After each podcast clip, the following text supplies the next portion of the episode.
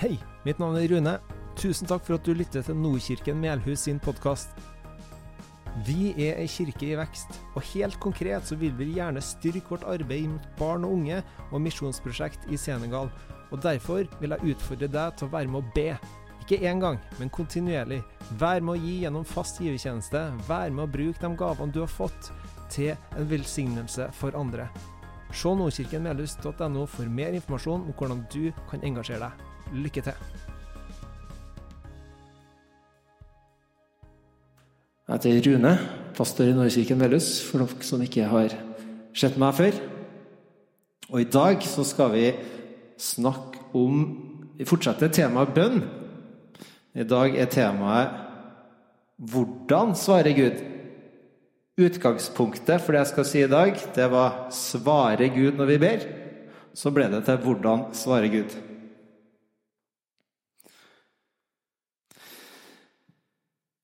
For vinteren for to år siden Jeg tror det var vinter, for det var i hvert fall snø og slaps. Da hadde jeg med meg Maron, som nå er åtte år, og Lilla, som da var seks, på skulle på hyttetur på Hitra. Og så For å komme fram til hytta, så er det en sånn 100 meters ganske bratt bakke på slutten der, før det flater ut og innover til hytta. da. Og det var seint på kvelden, det var kaldt. Det var litt sånn isatt isete på veien, med litt sånn slaps oppå. Så kom vi der, rundt den svingen, og så på vei opp den bakken. Og halvveis opp i bakken så merka jeg at bilen begynte å spøle. Hjulene begynte å spøle. Da var det inn med bremsa, og så begynte bilen å skli bakover. Det syntes jeg var litt sånn ubehagelig. Marion Lilla syntes det var artig. Men jeg syntes det var litt ubehagelig. Men den fikk kontroll. Så fikk vi litt sånn skrensa rygga oss ned da, rundt den svingen igjen. Ja. Da tenkte jeg åh, det er så ekkelt vær, og det er jo et lite stykke å gå, i hvert fall for de minste. Og det er seint, og har litt lyst til å få fram den bilen der. Så tok jeg litt større fart. Det var jo en sving der som begrensa litt, men tok jeg litt større fart. Kom oss opp bakken. På opp bakken. Over halvveis der vi stoppa sist. Nesten på toppen, og så begynte bilen å spinne igjen. Nei, her går det ikke bra.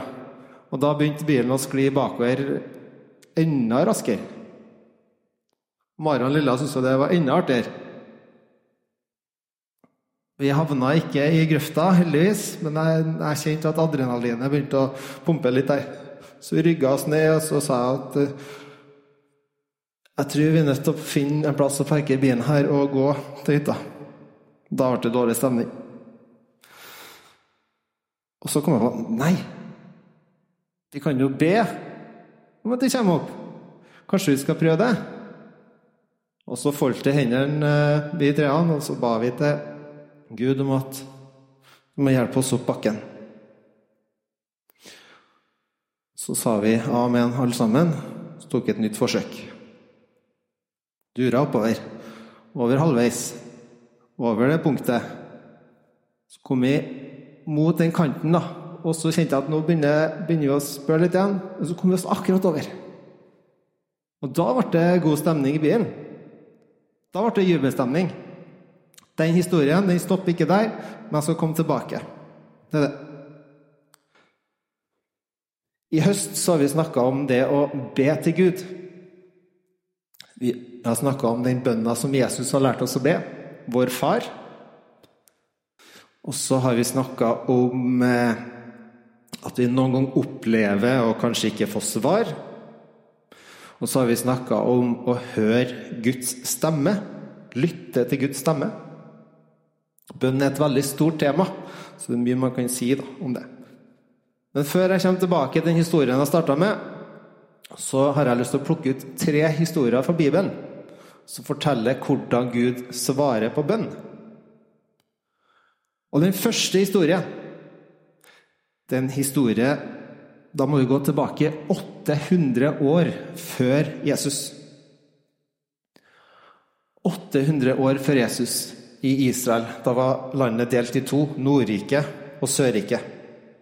Og i Nordriket da, så bodde en konge som het Ahab. Og kong Ahab, han var gift med Jesabel, eller Jesabel. Hun var ei fryktelig fæl dronning.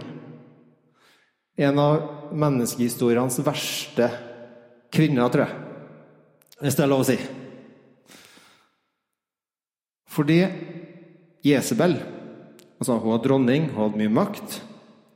Og hun fikk med kongen sin til å be til en avgud som heter Bal. Vet dere hva avgud er for noe? En avgud? Ja, noen nikker. Avgud, det er, er en gud eller noe annet man ber til, som ikke er den sanne Gud som ikke er ekte. Det kan være en, eh, det kan være en statue. Det kan være sola. Det kan være et dyr. Det kan være eh, penger. En avgud. Det er sånn at man gir plassen som Gud skulle hatt til noe annet. Det er en måte å tilbe noe annet på. At man gir den plassen som Gud skulle hatt, til noe annet. Og Bal, da her ser vi en sånn slags statue. Når de ba til han, så tenkte de at Bal han krever menneskeoffer. Så de ofra mennesker til han. De skar seg opp på kroppen og ga blod til han. Eh, det var veldig mye fryktelige ting da, som de gjorde på den tida til denne avguden. Og samtidig, på den tida her, så bodde det også en en profet i landet, i Nordriket, som het Elia. Elia han var ikke godt likt. Spesielt dronning Jesabel. hun likte ikke Elia ville få han drept. Fordi at eh, Elia han, eh, han, var som sagt en profet. Han var et talerør for Gud. Han delte det som var på Guds hjerte, til folket rundt. Og han samla gjerne folket. Så sa han dere må slutte å be til guden Bal. Dere må be til Gud. Da vil det bli fred i landet. Og det likte ikke dronning Jesabel, så hun forfulgte Elia. Og så dukka det opp en mulighet, da. Elia han eh, utfordra 450 balprester, eller Baal-profeter. Utfordra dem til kamp for å vise hvem er det som har en ekte gud her. Og Måten den kampen skulle være på, det var ikke stein, papir, saks. Men de skulle bygge et offeralter, eller slags bål. Og så var reglene sånn at eh, den som fikk bålet til å brenne, den trodde på den ekte og sanne Gud. Så reglene var at eh, de her 450 Baal-profetene skulle be til Baal om at han skulle tenne opp der offerhaugen. Så skulle Elia be til Gud om at han måtte gjøre det samme. Baal-profetene eh, satt i gang. Hoia og dansa og skar seg opp og gjorde alt for at denne bålet skulle begynne å brenne. Elia han sa til dem til og at dere må rope høyere. Jeg tror ikke guden deres hører dere. Og de ropte høyere og høyere. Men det skjedde ingenting. Og så var det Elias sin tur. Han bygde opp offerhaugen sin. Og så sikker var han på at Gud kom til å svare at han ba folk tømme fire vannkrukker med vann over denne veden, over det her bålet. Og så ba han dem ta fire til etterpå, for sikkerhets skyld. Og så ba han til Gud. Kjære Gud, nå må du svare meg. Jeg ber Jeg ber om at eh, du tenner på denne offerhaugen, sånn at alle de her folkene ser at det er du som er Gud at det er du som er den sanne Gud. Og hva var det som skjedde? Hele den offerhaugen brant opp. Svidd rett gjennom, til og med steinene og alt. Og det er én måte Gud svarer på når vi ber. Han sier ja. Og det her er noen som hva det her er? Hva er det for noe? Mm? Ja. Det er en runding. Helt rett. Hvilken farge er det på den, da?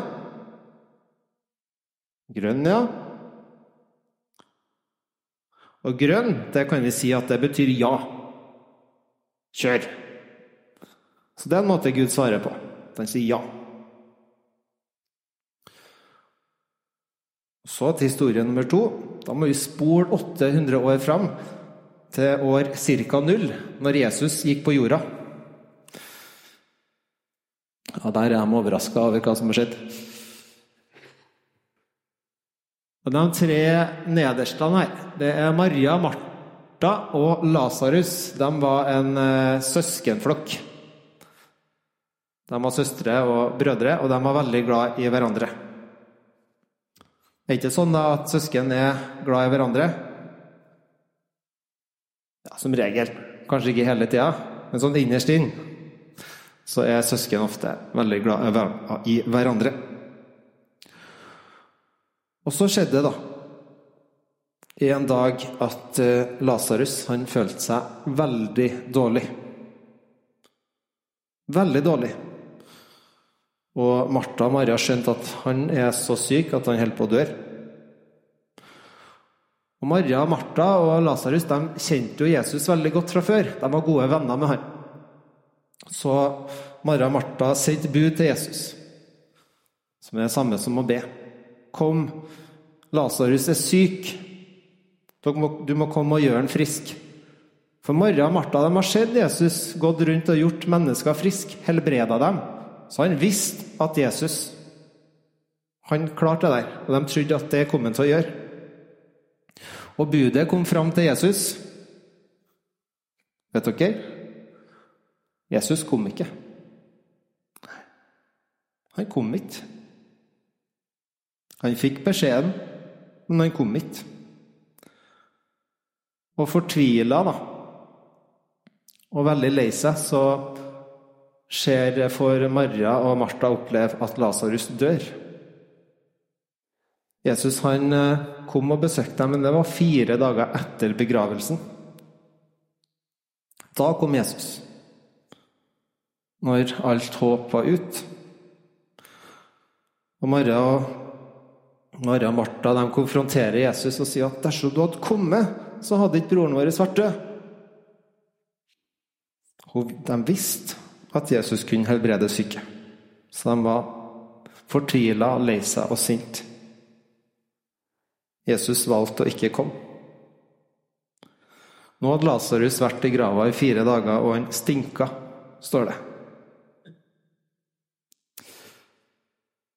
Og så konfronterer Maria og sier det her til Jesus. Men Jesus han svarer ikke på det Maria sier nå heller. I stedet så ber Jesus til Gud, til sin far. Og så ber han folket om å åpne grava til Lasarus, som, var inne i hule. Og så roper han 'Lasarus, kom ut!' Så kommer Lasarus ut. Hm. Her er også en måte Gud svarer på når vi ber. Han, sier, han kan si nei når vi ber. Hvilken farge er det på den rundingen her, da? Rød, ja. Rød betyr nei. Gud han kunne si nei når vi ber til han. I det tilfellet her da, så ba jo Martha Marra om at han måtte komme og gjøre han frisk. Det gjorde ikke Jesus. Jesus han hadde en annen plan. Han, eh, han visste kanskje at dersom han gjorde ham frisk, så kom ikke de menneskene rundt til å tro på at han var Guds sønn. Så han hadde en plan som var bedre. Han hadde en større plan. Og det at han skulle vekke opp han fra de døde, det var Guds plan den gangen. Og sånn er det noen ganger når vi ber. Så får vi et nei. Og så har Gud kanskje en annen plan. Og Noen ganger får vi også nei fordi Gud vil det beste for oss. Og han vet at det her, det du spør om nå, det er ikke bra for deg. Og så siste historie. Da skal vi til år ca. 1500 før Jesus ble født. Israelittene de hadde vært i fangenskap i Egypt for kong farao. De har vært fanga og vært slaver for han. Og de har måttet bygd opp sånne store konstruksjoner da, for egypterne. Og i 400 år hadde de gjort det her. I 400 år så hadde de ropt, bedt til Gud, klaga til han, for de hadde det så fælt. Nå må du komme og fri oss vekk fra det her. Barna til israelittene og foreldrene til dem som var der. Besteforeldrene hadde bedt. Oldeforeldrene hadde bedt.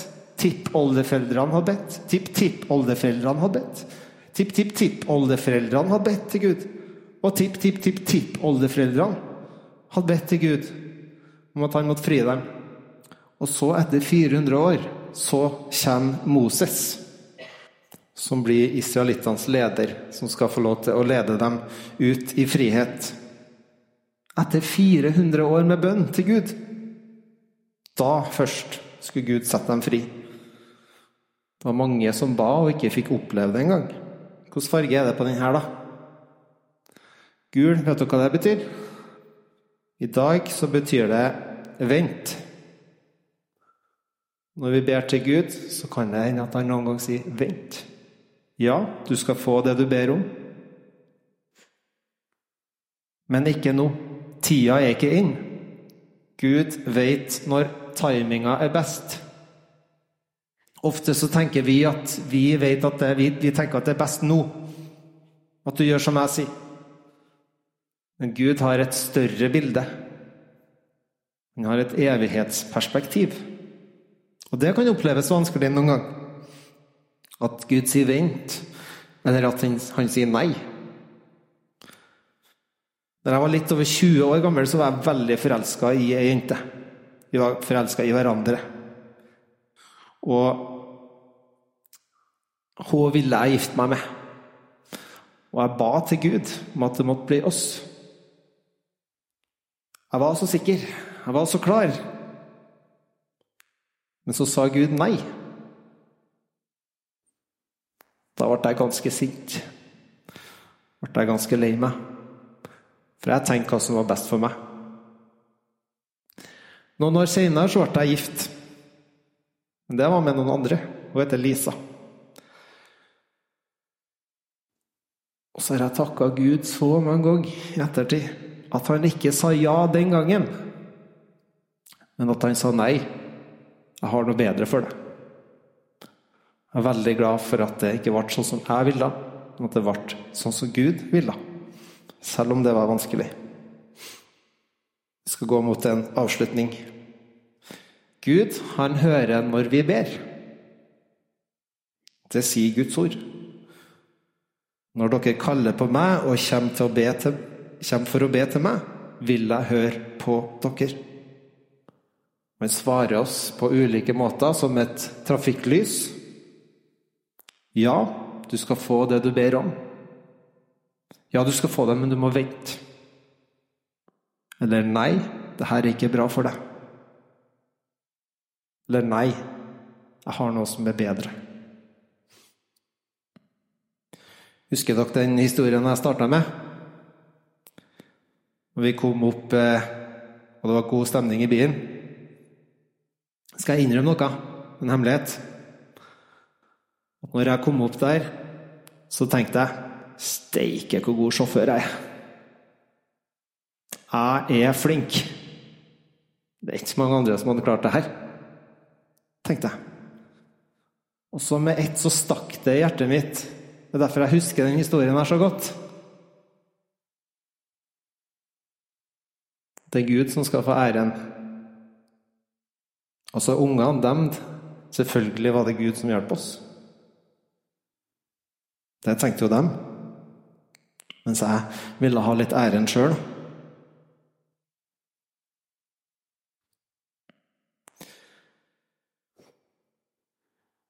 Så et ord til oss voksne.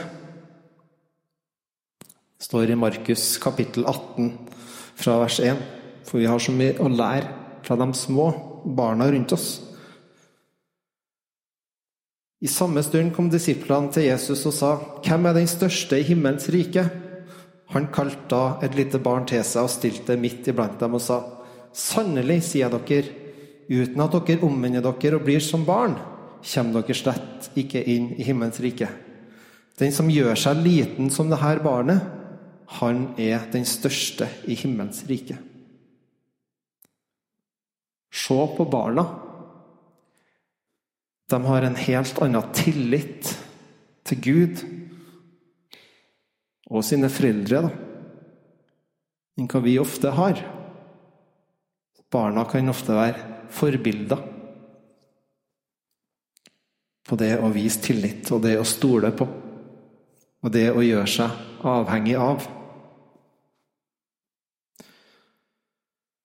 Folkens, vet dere at Jesus fikk rødt lys en gang? Han fikk også et nei når han ba til sin far rett før Jesus skulle dø. Han visste hva som kom til å skje, men at han kom til å bli torturert. Visste at han skulle gå gjennom noe fryktelig fælt. Da ba han til Gud sin far. Vær så snill, la meg slippe det her. Men bare dersom du vil. Bare dersom det er din vilje. Svaret han fikk, det var nei. Og det nei-et der, det er kanskje det viktigste nei-et. På den viktigste bønna òg. For det ble til frelse for hele menneskeheten. Gud hadde en større plan. Lovsangsteamet kan komme opp.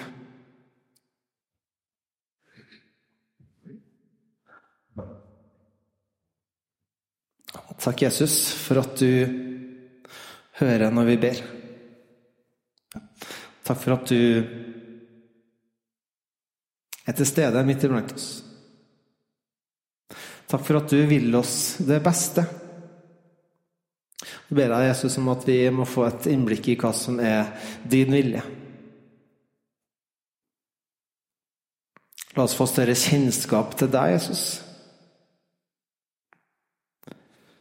Snakk til oss gjennom ditt ord, Jesus, og hjelp oss å finne gode vaner til å både søke deg og bli kjent med deg gjennom ditt ord. Takker jeg for at du er en god far.